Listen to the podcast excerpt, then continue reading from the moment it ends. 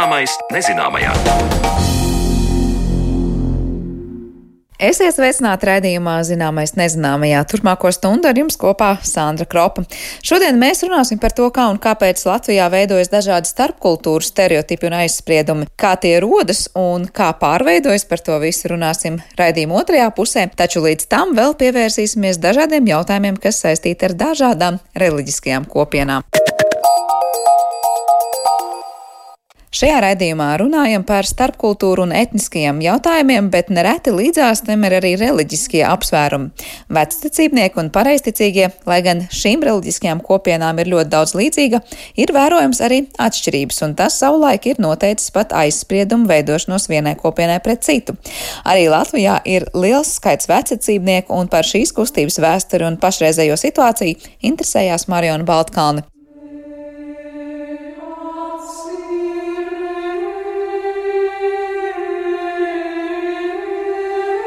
Vecticībnieki un vecticība. Vārdi jau it kā pasaka priekšā, ka runa ir par kādu senāku ticību. Jā un nē. Vecticība lielā mērā saistīta ar pareizticību, bet atšķirīgie termini parādās laika gaitā, kad pareizticībā sākas pārmaiņas. Mākslas zinātņu doktore, Latvijas Universitātes Filozofijas un Socioloģijas institūta vadošā pētniece Naģežda Pazuhina norāda, ka sinonīms vārdam vecticība būtu senpareizticība. Paši vecticībnieki šobrīd, katrā gadījumā, ideoloģiski ļoti vēlās, lai viņus sasaistā ar pareizticību, bet tikai tieši šo krievu pareizticības sākotnējo variantu, ja, viduslaiku variantu, un tāpēc krieviski šo terminu vecticībnieki lieto kā drievļie pravoslāvie, sen pareizticībā, bet um, īstenībā, protams, vairāk zināms termins ir vecticībnieki, un paši vecticībnieki uzskata, ka latviski ļoti korekti viņus tā apzīmē, jo tiešām tie ir tie cilvēki, kuri kopja un saglabā seno pareizticības versiju. Tātad vecticība bijusi Krievu pareizticības tradīcija, kas Krievzemē parādījās kopš Kņaza Vladimira, kad Krievija tika kristīta. Bet no nu arī stāsts par šķelšanos jeb schizmu, pēc kuras vecticība tiek aprakstīta tieši ar šādu nosaukumu. Runa ir par 17. gadsimta vidu un par reformu, baznīcas um, reformu, kuru īstenoja cārs Aleksējs Mihailovičs. No baznīcas puses tas bija patriārhs Nikons. No vienas puses tā bija nepieciešamība tiešām korrigēt uh, grāmatas, pirmkārt, dievkalpojuma grāmatas, pārbaudīt un salīdzināt dažādas versijas. Jo tas ir laiks, kad arvien um, vairāk grāmatas tika iespiestas, nevis pārrakstītas ar roku. Un, protams, lai iespiestu grāmatu, tīpaši dievkalpojuma grāmatu, vai, ja mēs runājam par svētajiem rakstiem, tad ir jābūt kaut kādam paraugam, pareizam paraugam. Un, jā, 17. gadsimta vidū saskarās ar to, ka ir dažādas versijas. Nu, ne jau tā, ka saturs atšķiras, ja, bet um, tulkojumu atšķirības.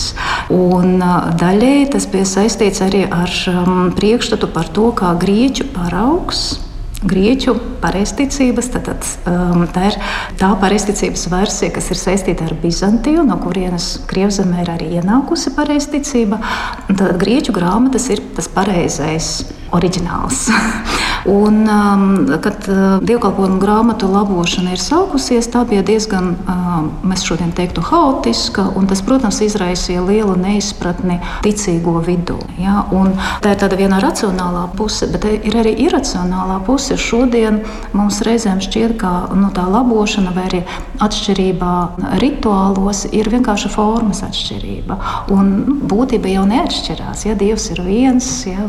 bet um, atkal, ja mēs atgriezīsimies vēlenējos viduslaikos vai jā, jauno laiku sākumā, tad eh, šī izpratne par formas un satura saikni bija pavisam cita. Un formas izmaiņas liecināja par to, ka acīm redzot, kaut kas mainās arī saturā.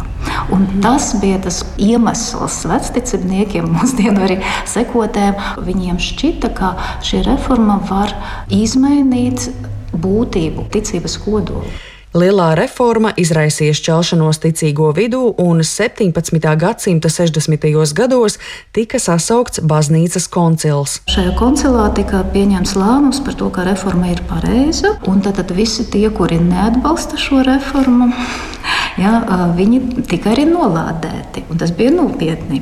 Un tad šīs lāvas īstenībā, ja mēs tā vēsturiski skatāmies, saglabājas līdz pat 20. gadsimtam. Un jūs neticēsiet oficiāli oficiāli Krievu pareizticīgo baznīca noņēma šo lāstu, ja to anatēmu, tikai 1971. gadā. Šis vajāšanas posms, no nosacīta mēs varam teikt, ka tas ir līdz 1905. gadam, līdz Nikolai II manifestam, kurā arī tika pasludināta pirmo reizi tā oficiālā līmenī Krievijas impērijas atkal kontekstā um, reliģiskā brīvība vai, vai tāda reliģiskā iecietība kārtība, un vecāki ir ieguvuši um, tiesības, arī juridiskās tiesības, uh, pilnīgi oficiāli um, veidot savas draudzes, veikt reliģisko izglītību, um, sabiedriskas organizācijas veidot, ja, un arī piedalīties politikā. Starp citu, līdz 1905. gadam visos oficiālajos dokumentos saglabājās arī jēdziens šķeltnieki, krievu valodā raskoļņiki, tātad tie, kuri neatbalsta reformu. No vecticībnieku viedokļa atšķēlās ne jau viņi, bet pareizticīgie. Saknes, protams, abām grupām ir kopīgas, tomēr ir vērojamas arī atšķirības. Ko varbūt vairāk cilvēki uzreiz pamana, dziedāšanas maniera, ja, unisonā dziedāšana, tā saucamā zīmju dziedāšana, es nepieņēmu, ko arī laikam, latviešu klausītāji ļoti labi zina, pateicoties Andrejam Selītskim un mūsu brīnišķīgā Latvijas radio kora projektam Paradīzes Vočīs.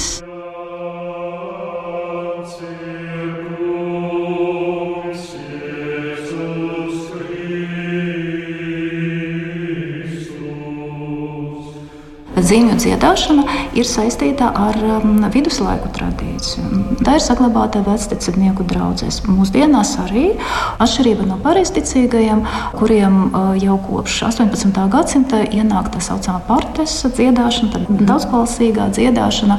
Un, uh, man laikam mm, jāiezīmē, ka arī vecticības ietvaros, vecticībnieku uh, tradīcijas ietvaros ir ļoti daudz dažādu novirzienu. Un ir daļa vecticībnieku, kuri kuriem ir priesteri, kuriem ir baznīcas hierarhija, tā saucamie popovieši, jepapovci. Um, Tas nāk no apzīmējuma priesteris, pop, popovieši, un viņu reliģiskā praksa ir tuvāka pareizticīgajiem nekā tādiem vecumniekiem, kuri ir pie mums, kuri neatzīst Isaías šo, šo hierarhiju. Jūs domājat Latvijā? Latvijā Aha. tieši tā. Mums ir tā saucamie bezpriesteru vecticībnieki, pomorieši, un lielākoties mums ir pomorieši. Ir vēl arī um, cits novirziens, um, Feodosijas sekotāja, latviski drusku neveikli sauc par fedosejieviešiem. Ja? Vēl, vēl viena grupa, kas ir um, varbūt vēl konservatīvāka nekā pomorieši. Ja nav hierarhijas, ja, baznīcas hierarhijas, tad arī daži no sakramentiem nav iespējami. Ja, un īstenībā ir iespējami tikai divi sakramenti. Tātad tas ir kristības ja, un grēksudze. Vēl gribēju pajautāt šo klasisko jautājumu, kas droši vien daudziem ir prātā. Nu, kā tad ir ar to krusta mešanu? Kā krusta met pareizticīgi un vecticībnieki ir dzirdēts par diviem, par trim pirkstiem? Tā droši vien arī ir atšķirība. Ja? Mhm. Jā, tātad vecticībnieki met krustu ar diviem pirkstiem, jo divi pirksti tiek salikti teiksim, kopā. Jā, tad, divi pirksti simbolizē Kristus tātad, dievišķo un cilvēka dabu. Ja? Un trīs pirksti, kuri paliek mums plaukstā, ja? tā ir trīsvienība. Jā, pareizticīgiem met krustu ar trim pirkstiem, kur ir salikti tieši, nu, mēs interpretējot, jā, varam arī pateikt, ka tā ir trīsvienība. Jā, un tad, tad tie divi pirksti, kur ir palikuši, arī var simbolizēt jā, Kristus mm. dievišķo un cilvēcisko dabu. Tātad sanāk, ka vecticībniekiem tas ir rādītāja pirksts un uh, vidējais pirksts. Mm un kopā ir īkšķis, zeltnesis un mazais pirkstiņš. Un tātad ar rādītāju pirkstu un vidējo pirkstu tiek mests krusts. Mm -hmm. Un pareizticīgie dara un sanāk, ka tas vidējais, eh, vidējais pirksts ir drusku tā kā um, nu, izskatās nedaudz zemāk, ja? tāpēc ka Kristus um, cilvēka daba tiek pakārtota viņa dievišķai dabai. Tā paša vecinieki parasti skaidro. Un tad pareizticīgajiem sanāk ir otrādi. Pareizticīgiem met ar šiem te. Ar trim. Ar trim pirkstiem, kas sanāk īkšķis kopā ar rādītāju pirkstu un vidējo pirkstu, un tad tie divi paliek tur galā. Neģežda Pazuhina norāda, ka vecticībnieki nekad nesteidzas ar krusta mešanu, tas tiek darīts lēnām. Vēl svarīga ir paklanīšanās līdz zemei. Dievkalpojumi var būt krietni ilgāki par pareizticīgo dievkalpojumiem, tās var būt arī astoņas stundas, līdz ar to izplatīti ir paklājiņi rokām, jeb padrušņiki, lai ar rokām nepieskartos grīdai paklanīšanās brīžos. Un vecticībnieki joprojām lieto tikai vaskas veces. Savukārt ar pareizticīgajiem vecticībniekus vieno gan Ziemassvētku, gan dieva parādīšanās svētku svinēšanas laiks. 19.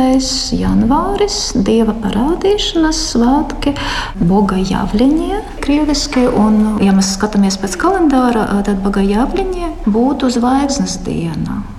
Bet šeit nav stāsts par trim ķēniņiem, kuri nāk ar dāvanām pie Kristus, bet tas ir Kristus dievišķās dabas apliecinājums, ja, kad viņš tika krustīts Jordānas upē. Un tāpēc ja, parādās, ja Dievs parādās, ja tur pirmo reizi viss ir redzams, ka šis nav tikai parastais cilvēks. Vecticībnieki sastopami teju visā pasaulē, tostarp Urugvajā, ASV, Vācijā, Polijā, Ķīnā un, protams, arī Latvijā un šī izplatība skaidrojama ar bēgšanu no represijām Krievijas impērijā un migrēšanu 20. gadsimtā. Latvijā ir aptuveni 55 tūkstoši vecticībnieku, ap 60 vecticībnieku draugu, lielākoties Latgalē un Daugopilī vien atrodamas sešas draudzes. Grabenščikova draudzene Rīgā 2020. gadā svinēja 260 gadu jubileju. Draudzē darbojas arī vecticības muzejs. Pēdējo gadu laikā paši vecticībnieki iesaistās pētniecībā un sava kultūras mantojuma apzināšanā, bet Filozofijas un socioloģijas institūtā šos jautājumus pētīs Arnolds Podmāzovs, kurš savulaik arī izdevis grāmatu Vecticība Latvijā. Savukārt ilgadējs visu Latvijas vecicībnieku pārstāvis, vecicībnieku draugu padomē bijis tās priekšsēdētājs Aleksējs Žilko, kurš 2021. gada janvāra sākumā devās mūžībā. Vecinieki ir ļoti viesmīlīgi, bet viņiem nepatīk, kad no malas nāk cilvēks un tā bez uzaicinājuma. Mm -hmm. Viņiem ir svarīgi, ka cilvēks mm, ar lielu cieņu attiecas pret viņu. Tas ir ļoti apsveicami, ja vispār mēs domājam par cilvēkiem. Ja? tā cieņa cilvēka priekšā man šķiet ir ļoti mm -hmm. svarīgs mm -hmm. aspekts mūsdienās. Par vecākiem vēstures skatījumā un Latvijas kontekstā stāstīja mākslas zinātņu doktora, Latvijas Universitātes filozofijas un socioloģijas institūta vadošā pētniece Nadziežda Puzuhina. Ar viņu sarunājās mana kolēģa Mārijona Baltkalna, bet pētījumam, kas tapis par starpkultūru stereotipiem un aizspriedumiem, mēs pievērsīsimies raidījuma turpinājumā.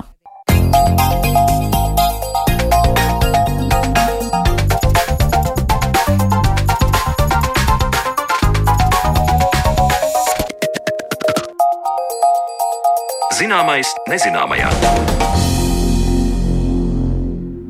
Kā un kāpēc Latvijā veidojas starpkultūru stereotipu un aizspriedumi, kas tiem palīdz rasties un arī izdzīvot, un cik lielā mērā un pie kādiem nosacījumiem šo dažādo kultūru un etnisko grupu pārstāvji ir gatavi sadarboties?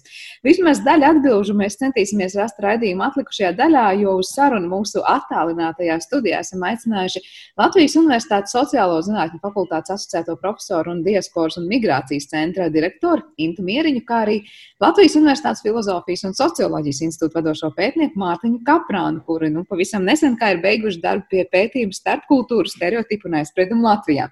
Labdien jums abiem! Labdien! Labdien. Jāsaka, nu priekš jūs redzēt vismaz šajā attālinātajā studijā un runāt par kādu pavisam, pavisam, pavisam svaigu pētījumu, pie kura esat, kā jau tikko teikuši, teicu, beiguši strādāt. Vai vispirms varat izstāstīt par to, ko esat izpētījuši un kāpēc tieši tagad šis pētījums par starpkultūras stereotipiem un aizspriedumiem Latvijā? Es pat nezinu, kuram varbūt jādod pirmajam vārds šī pētījuma prezentācijas kontekstā. Es varu sākt uh, ieskicēt, un Inta var droši papildināt. Uh, tā pētījuma ideja radās vēl pirms uh, Covid ēras uh, Latvijā, un līdz ar to varbūt uh, pašreizējā aktualitāšu kontekstā pēkšņi var rasties tik tiešām, kā jums, Andrei, jautājums, kā tā, kāpēc Covid nav pētīts, bet uh, starpkultūras stereotipu un aizspriedumu. Bet uh, tā viena no izaisa jautājumiem bija, ka mēs. Uh, kā sociālajie zinātnieki ar pat neapbruņotu aci jau varējām pamanīt, kā Latvijā migrācijas procesu rezultātā un vispār kopējā globalizācijas procesa rezultātā cilvēki arvien vairāk ikdienā sastopas ar dažādām kultūrām, tā skaitā tādām eksotiskām kultūrām, kas varbūt vēl pavisam nesen eh, likās. Eh, nu, nu, patiešām kaut kas tāls un nesasniedzams. Es nezinu, pat ja mēs skatāmies Rīgā, pēkšņi ielās parādās daudz uh, no Āzijas cilvēku, tā skaitā uzņēmēju darbībā, nevis tikai studentu vidū. Nu, lūk, un šie dažādi apsvērumi, šīs ikdienas reālijas, kuras patiesībā nav pazudušas, vienkārši viņas varbūt ir no dienas kārtības mazāk, nu, mazāk redzamas, mūs mudināja uh, saka, radīt un, un, un apsvērt, uh, kā tad kopumā cilvēku priekšstati un, un, un, un, un arī tā skaitā varbūt aizspriedumi pret šīm grupām ir veidojušies, un, un, un arī ņemot vērā kopējo Latvijas sabiedrības struktūru, kur ir pietiekoši liela kultūra daudzveidība. Tā kā mēs ņēmām gan šo mantojumu, gan arī to mūsdienu jauno, jaunos izaicinājumus, kas ir saistīti gan ar migrāciju, gan ar kopējo globalizāciju. Un, uh, un skatījāmies, kā Latvijas iedzīvotāji gan ikdienas miedarbībā, gan arī savos tajos priekšstatos uh, um, saka, veidot to savu tēlu par dažādām kultūras grupām. Un, mēs izmantojām gan reprezentatīvu aptauju, gan arī fokus grupu diskusijas, tad tādus klasiskus datu ieguves veidus, un, un, un šādā veidā centāmies noskaidrot to Latvijas sabiedrības pašreizējo um, domāšanas modeli un attieksmes veidu pret dažādām kultūras grupām. Jā, paldies. Es pieņemu, ka Intē ir arī ko piebilst. Es nezinu, no kura gan skatu punkta, vai tieši kāds ir tas mērķis vēlmē šim pētījumam sasniegts, vai arī par to pašu izpētes procesu. Nu, man šķiet, ir, ir, ir, ir svarīgi, šis pētījums ir svarīgs tajā kontekstā, ka pēdējā laikā zinātnieku aprindās, arvien, nu, tieši, kas, kas strādā ar migrācijas pētījumiem, arvien vairāk runā par to, ka Centrāla un Austruma Eiropas valstis, tā skaitā arī Latvija, pamazām no emigrācijas valstīm kļūst arī, kļūst arī par imigrācijas valstīm. Tas nozīmē, ka pieaug arī šo dažādo kultūru un tautību skaits Latvijā. Un vienlaikus mēs zinām, to, ka tomēr arī šajā Eiropas daļā ir šie aizspriedumi pret dažādiem, dažādiem tautībām, pret cilvēkiem no dažādām kultūrām. Un tādēļ arī mēs šajā pētījumā mēģinājām parādīt, nu, kas tad ir šie aizspriedumi, kā mēs skatāmies un kāpēc mums dažas, dažas grupas biedē vairāk nekā citas. Un tas ir tas, ko mēs arī mēģinājām atbildēt. Jums bija pašiem kaut kāds pārsteigums no tā, ko jūs ieraudzījāt par to, kāda ir tie aizspriedumi un kāpēc dažas grupas biedē vairāk kā citas? Vai tur bija tā, ka vairāk ieraudzījām to, ko sen nu, jutām un likās, ka sabiedrībā tā vienkārši ir? Inta varbūt, jā. Nu, man liekas, ka tur ir uh, daudz tādas interesantas lietas, uh, kas mums nu, izraisīja mazliet tādu pašiem lielu interesi. Ja? Viena, no tādām, viena no tādām lietām ir tas, ka mēs lūdzām cilvēkiem novērtēt tādā tā kā izjūtu termometrā no 0 līdz 100. Fahrenheit, izvērtēt, izvērtēt viņu izjūtas par dažādām etniskajām grupām vai kultūras grupām. Un tas, ko mēs uzzinājām, ir tas, ka, ja mēs skatāmies, piemēram, uz latviešu izjūtām pret krieviem vai krievulodīgiem un krievu izjūtām pret latviešiem, tad ir tikai burtiski daži procenti, ja, kur, kur savas sajūtas raksturo kā vērs vai ļoti vērs, ja, negatīvs. Um, daudz vairāk ir tādu, kam ir negatīvas izjūtas pret amerikāņiem, pret, uh, nezinu, pret, uh, nu, protams, arī pret, pret, pret afrikāņiem un ebrejiem un, un, un, un, un, un, un musulmaņiem. Jo vairāk, ja? Bet tieši tas, ka ir tik ļoti mazs šis procents, kam ir šīs negatīvās attieksmes pret mūsu pašu vislielākajām kopienām. Un tas arī ir kopā ar to, ka tad, kad mēs prasām viņiem novērtēt, nu, cik tuvu jūsuprāt ir jūsu kultūra šai otras tautas kultūrai, mēs redzam, ka īstenībā ir šī nu, kopības izjūta. Ja, ka, Ka, ka mēs tomēr izjūtam, ka, nu, ka, ka tie ir savā ziņā savēji. Mēs esam auguši pie vienām filmām, ja mēs saprotam uh, vienus jokus, ja, uh, un teiksim, tie, kas ir tomēr ārzemnieki, svešākas kultūras, kaut arī viņas varbūt ir rietumu kultūras, dažkārt pat liekas svešākas nekā, nekā tie cilvēki, kas dzīvo pie mums šeit blakus uz vietas. Tā kā secinājums, esam daudz tuvāki un mazāk aizspriedumaini nekā varētu domāt. Jā, jā, jā tā tā pozitīvā ziņa. Mm -hmm. Bija arī, protams, mazāk pozitīvs, bet varbūt Mārtiņš par to vairāk. Neviet, es gribēju tikai papildināt, ka tur arī ir savs zināms, nu, tur ir savs zināms paradoks iekšā, jo nu, mēs jau ikdienā tomēr redzam arī tās pretstāvis tādā politikas un ģeopolitikas domāšanas līmenī. Proti, ka mēs esam ļoti atšķirīgi kā kopienas, teiksim, kā grupas, uzskat, viedokļu grupas, starp, nu, ja, ja papildina īņķis teikto par tiem latviešiem un krieviem, piemēram. Bet tajā pašā brīdī, kā nāk pie emocionālās distances, miedarbības distances, tad tā distance faktiski ļoti maza vai vispār nepastāv. Un, uh, un, un arī patiesībā konkrēti aizspriedumu līmenī, kurus mēs pārbaudījām un skatījāmies, nu, tur starp šīm grupām, starp latviešiem un krieviem, uh, kā lielāko Latvijas minoritāti, uh, tādi negatīvi nu, priekšstati vienam pa otru ir, nu, pastāv, protams, ir pamanām, bet viņi ir ļoti maz izplatīti un, un, un, un pamatā dominē šis pozitīvais, pama, nu, pozitīvā, pozitīvie priekšstati. Bet, eh, nu jā, par, par, varbūt par kaut ko arī negatīvāku šī pozitīvā fona. Eh, tas, ko mēs ieraudzījām, mēs, protams, nojautām no kaut kādiem sekundāriem datiem, no iepriekšējiem pētījumiem, ka varētu sagaidīt, ka Latvijas iedzīvotāju priekšstati par romiem, jeb citur arī zināmiem kā čigāniem, vai par musulmaņiem kā plašu reliģisku grupu, ka varētu būt problemātiski un negatīvi. Bet nu, katrā ziņā uz tā kopējā mums bija kopā 13 grupas dažādas. Tur reliģiskas, mēs speciāli izmantojām arī tādas, kas jau varbūt ir nostiprinājušās kā tādas gatavas kategorijas, kā afrikāņi, piemēram, Latvijas sabiedriskajā domā, tīri analītiskiem nolūkiem. Bet vienmēr sakot, tā izteiktais kontrasts un tā izteiktā atšķirība starp šīm dažādām grupām un, un, un musulmaņiem un romiem ir ļoti liela.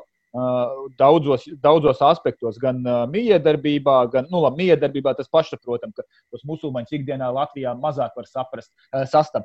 Bet teiksim, tādā emocionālajā distancē un, un, un arī, un arī teiksim, negatīvo aizspriedumu, ka tur ir vēlme dominēt, un arī neusticēšanās, un, un, un arī tam līdzīgi, īpaši attiecībā uz romiem.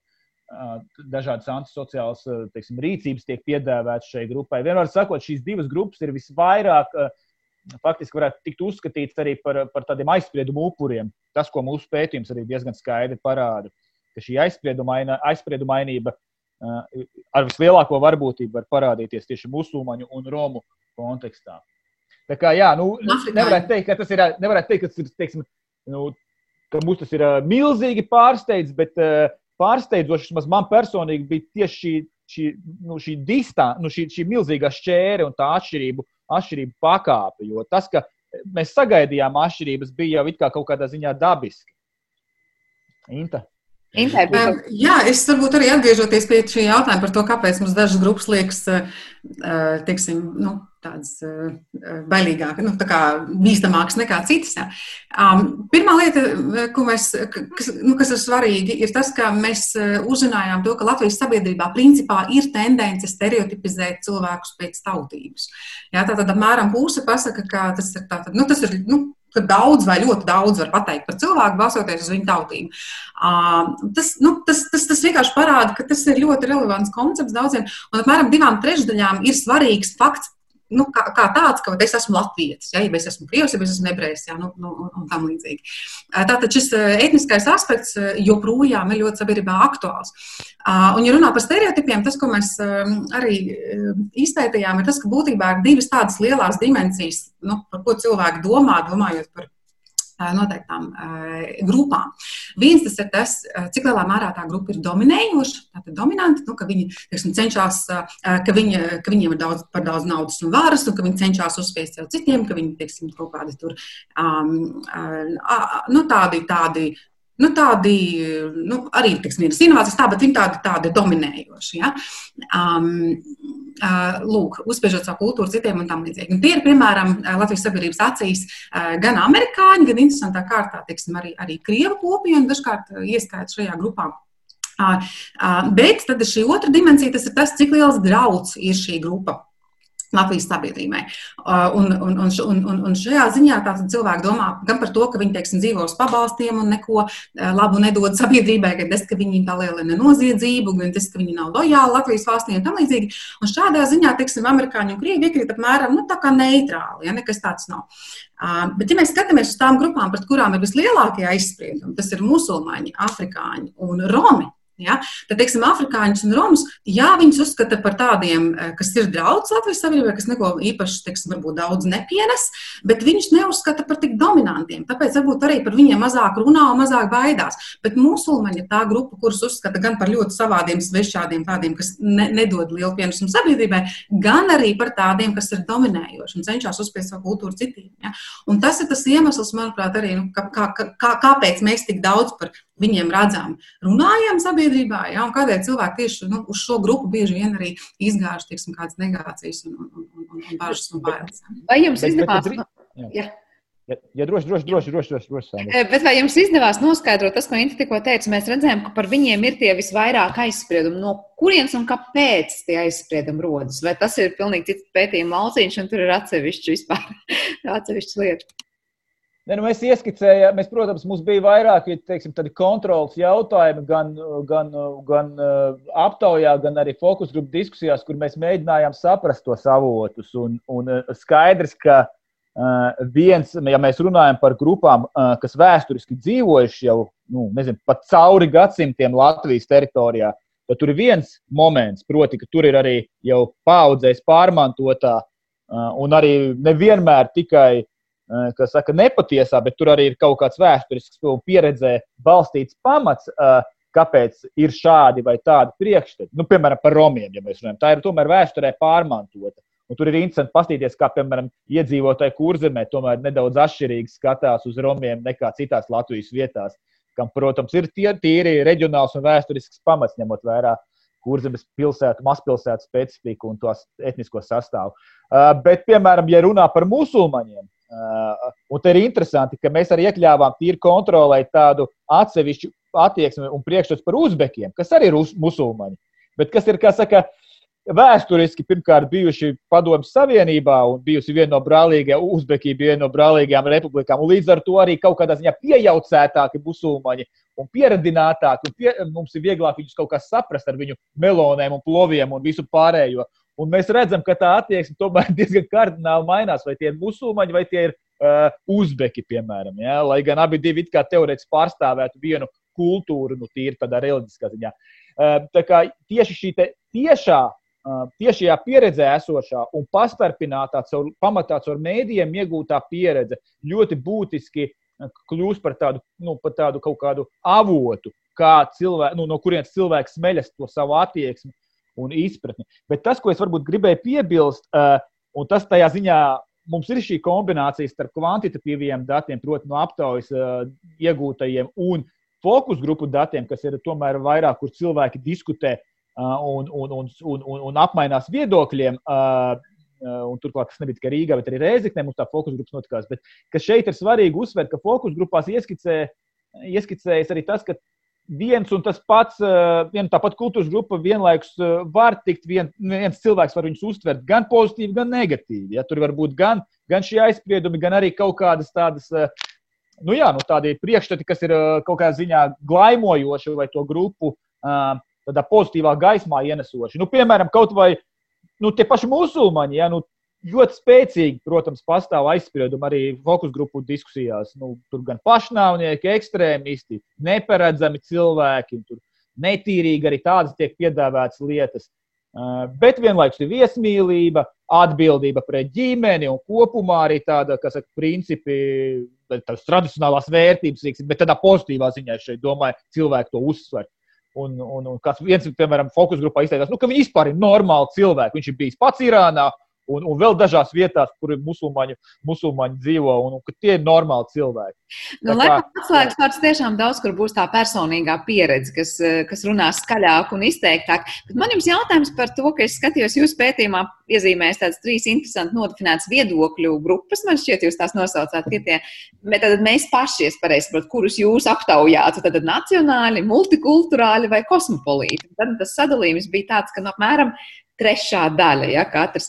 Vai jūs varat raksturot, vai šīs tiešām trīs viedokļu grupas patiešām ir tādas nu, ļoti stabilas Latvijas sabiedrībā, vai mēs katrs esam tāds mazliet no, no katras no šīm grupām? Mēs varbūt vienā dzīves posmā esam nacionāli, pēc tam mēs esam multikulturāli, tad mēs esam kosmopolīti. Varbūt atkal tieši pretēji tā, tā, tā virzība notiek. Kāda migrācija notiek mums pašiem, mums pašiem pa šīm grupām? Nu, protams, ka nu, tieši tā kā to arī minēja, daudz kas ir atkarīgs no cilvēka personīgās pieredzes. Un, protams, ka dzīves laikā šīs attieksmes var mainīties. Un tā kā mēs arī, mēs arī pētījumā konstatējam, ka teiksim, šī nacionāla grupa, kas ir relatīvi lielākā, nu, 40%, tie bieži vien ir cilvēki, kam pašiem ir nu, salīdzinoši būt, mazāks ārskārsums ikdienā, teiksim, jā, ar dažādu, dažādu tautību cilvēkiem. Tad, kad ir šis lielais lepnums par savu tautu, ja, kas, kas, kas, kas uzskata, ka viņi ir labāki varbūt nekā citas, un kas, kas, nu, kas vairāk atbalstītu, teiksim, citu grupu iekļaušanos vai vairāk asimilēšanos Latvijā. Um, nu, lūk, un, un, un, nu, jā, un tas, tas, protams, lielā mērā ir saistīts ar to, ar to kopienu, kurā mēs dzīvojam, ar tām attieksmēm, kas, kas valda šajā kopienā. Un mēs arī no citiem pētījumiem arī redzam, ir sevišķi jauniešu vidū, kas sāk ceļot un kas ierauga šīs citas kultūras, un pēkšņi saprot, ej, jā, bet varbūt, kad īstenībā viņiem, nu, ka, ka viņiem ir beigts pašās lietas, un ka īstenībā jebkura kultūra ir liela vērtība, ja, un, un tu kļūsti par šo multikulturāli. Ja. Mēs arī redzam, ka tieši šajā multikulturālajā grupā ir vairāk jauniešu. Tur ir vairāk cilvēku, kas dzīvo Rīgā tieši, arī tātad, kam pastāvīgi dienā ir, ir kontakts ar šiem dažādiem cilvēkiem. Ja.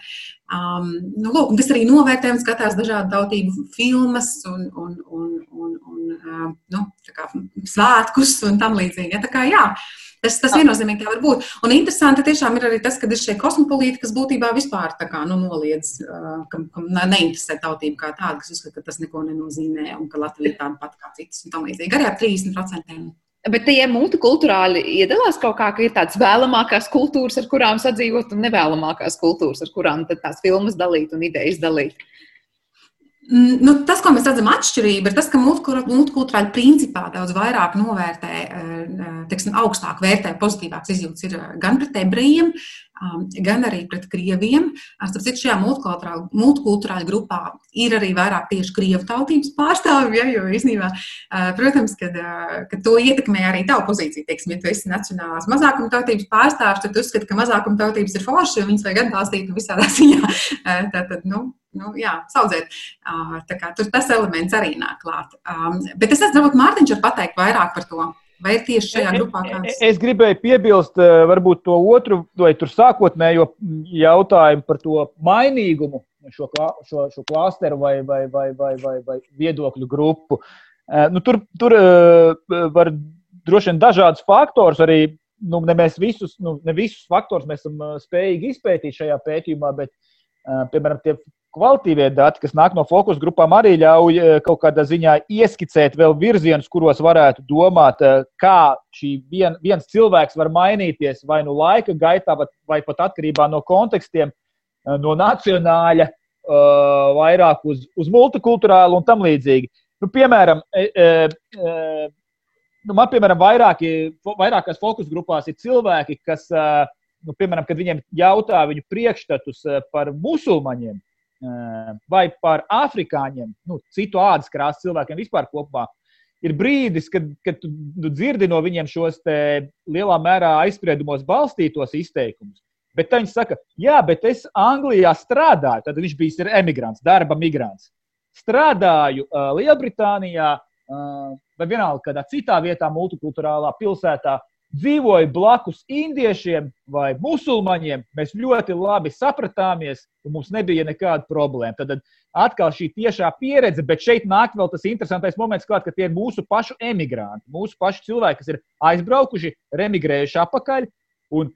Kaut kādā ziņā mēs nevaram, protams, šo uzskatīt par sociālo inovāciju, to, ka viņš ir atgriezies atpakaļ un pēkšņi sācis citādāk skatīties vai paplašinājis savu priekšstatu par to citu kultūras grupu. Bet katrā ziņā tās ir sekas tam, ko es minēju par to globalizāciju. Kad globalizācijas iespējā vai migrācijas iespējā cilvēki arī uh, maina uh, priekšstats par grupām, kuras ir pavisam nu, pirms tam bijušas tikai saka, svešas. Un, un, un otrs moments ir. Uh, Nu, jā, kad cilvēki arī dzīves gaitā, nu, es nezinu, man bija, piemēram, krievulodīgie, kuri stāstīja fokus grupās, ka agrāk viņi ir tikai principiāli izvēlējušies arī politiski balsot par partijām, krievulodīgi tādām, kas ir tikai par, par, par krievu tiesībām, bet, bet laika gaitā viņi ir vairāk izvēlējušies ne tikai šo etnisko aspektu, lai balsot par partijām, bet arī citus saka, jautājumus un arī personībām pievērš uzmanību. Protams, mainās tas.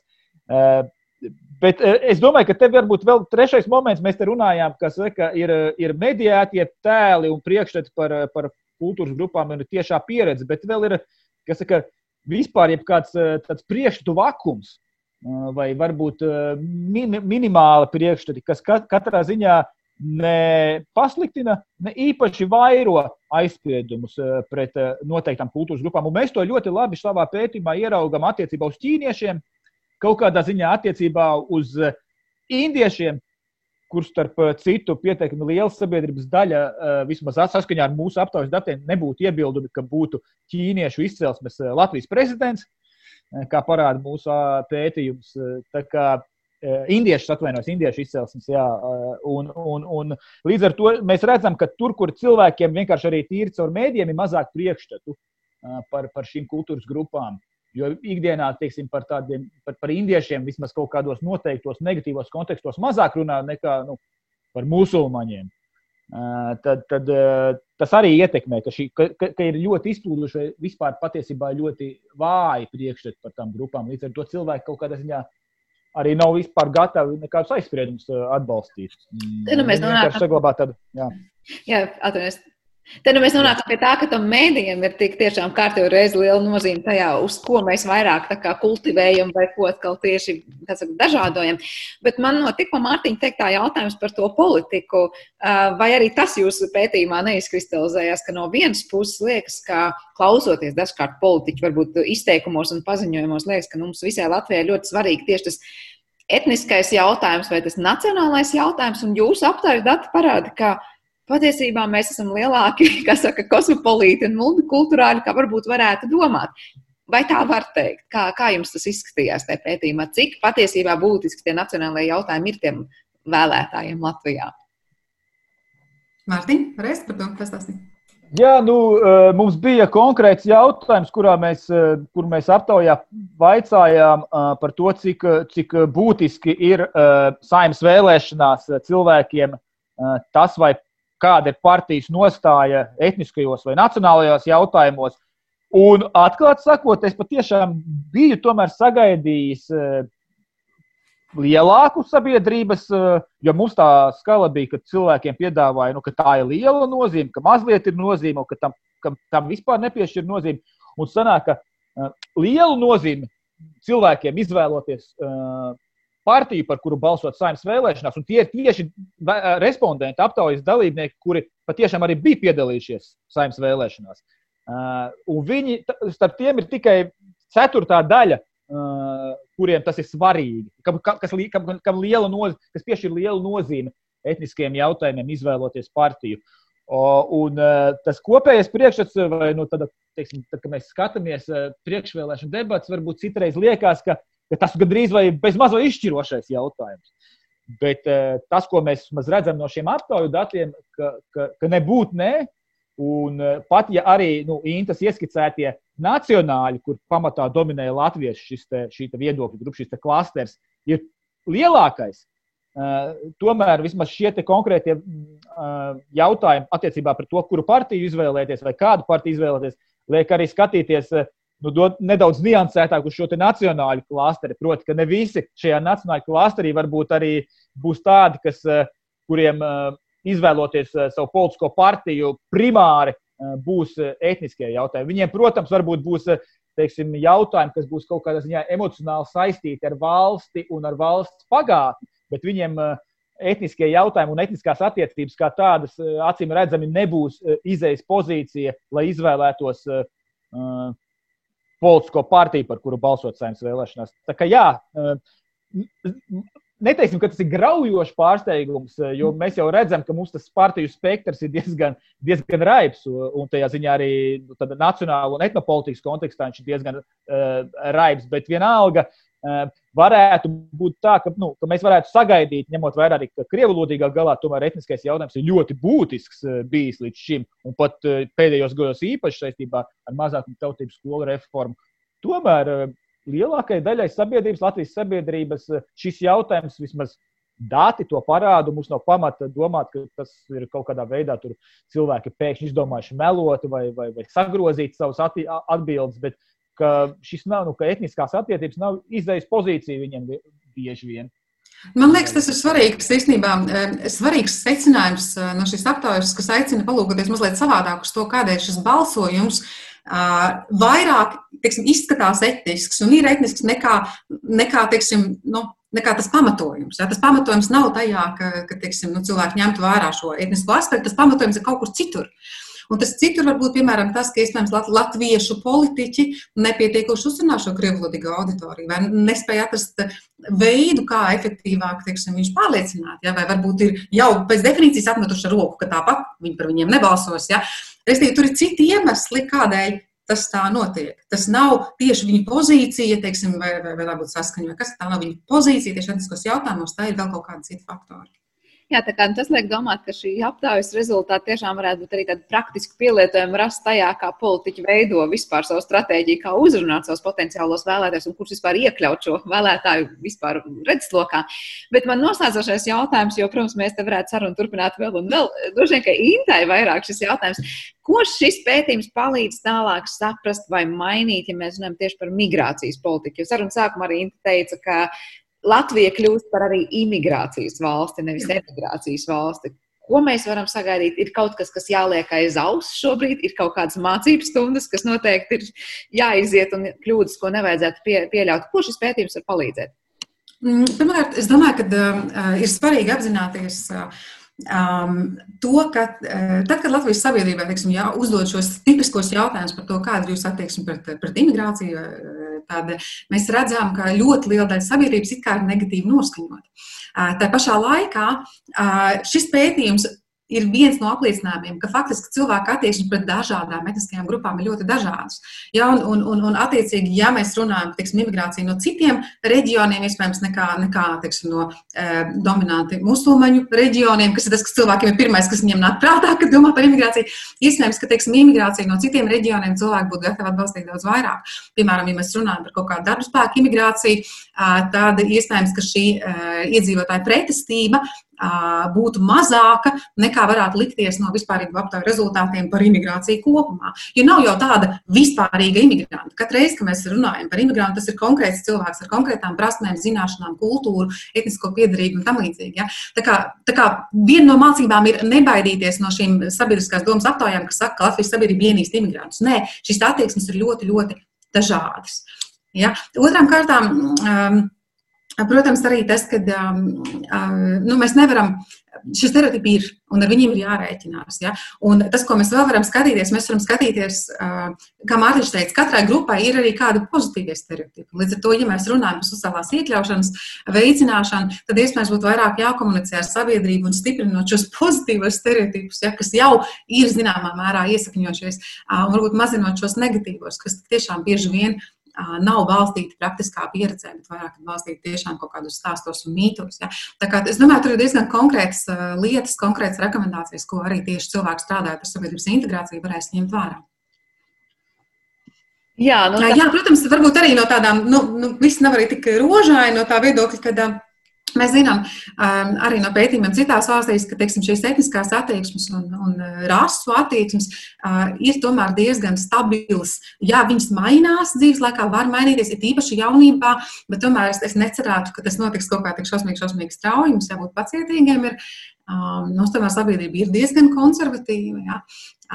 Bet, nu, gan, gan, kā Mārtiņš teica, gan, gan šī personīgā pieredze ārzemēs, gan arī tas, ka mums ar vien vairāk apkārt ir šie dažādie cilvēki, nu, es domāju, ka pamazām arī mūsu sabiedrība kļūs ar vien atvērtāka. Jā, nu noslēdzot, man liekas, jūs klausoties, gribu teikt, nu, parasti, ka mums saka, ja mēs gribam paši sevī kaut ko mainīt, tad pirmais solis ir spēt to ieraudzīt un atzīt. Ja mēs tā kaut ko darām, vai runājam, vai, vai, vai, vai uzskatām, tad laikam par pašu sabiedrību kopumā arī šis pētījums būtu tāds labs solis, lai pateiktu, varbūt dažreiz vienkārši atzīstam, jā, tie ir tie mūsu stereotipi un aizspriedumi, kas ir dzīvi, un varbūt nevajag arī izlikties, ka to nav. Lielas jums paldies par to, kā ieskicējāt to tiešām apjomīgo pētījumu, pie kā esat strādājuši. Es saprotu, tas ir kaut kas ļoti, ļoti, ļoti eh, svaigs un tikko klajā nācis. Par to gan jau, ka arī mēs vēl daudz un tikti dzirdēsim citos raidījumos. Šajā reizē teikšu lielu paldies Latvijas Universitātes sociālo zinātņu fakultātes asociētajai profesorai un diasporas un migrācijas centra direktorai Intē Mieriņai, kā arī Latvijas Universitātes filozofijas un socioloģijas Tehnoloģijas institūta vadošajam pētniekam Mārtiņam Kaprānam par šo sarunu. Atgādināšu, ka šo var dzirdēt arī populārākajās podkāstu vietnēs, un mēs tiekamies jau atkal rīt. Visu labu!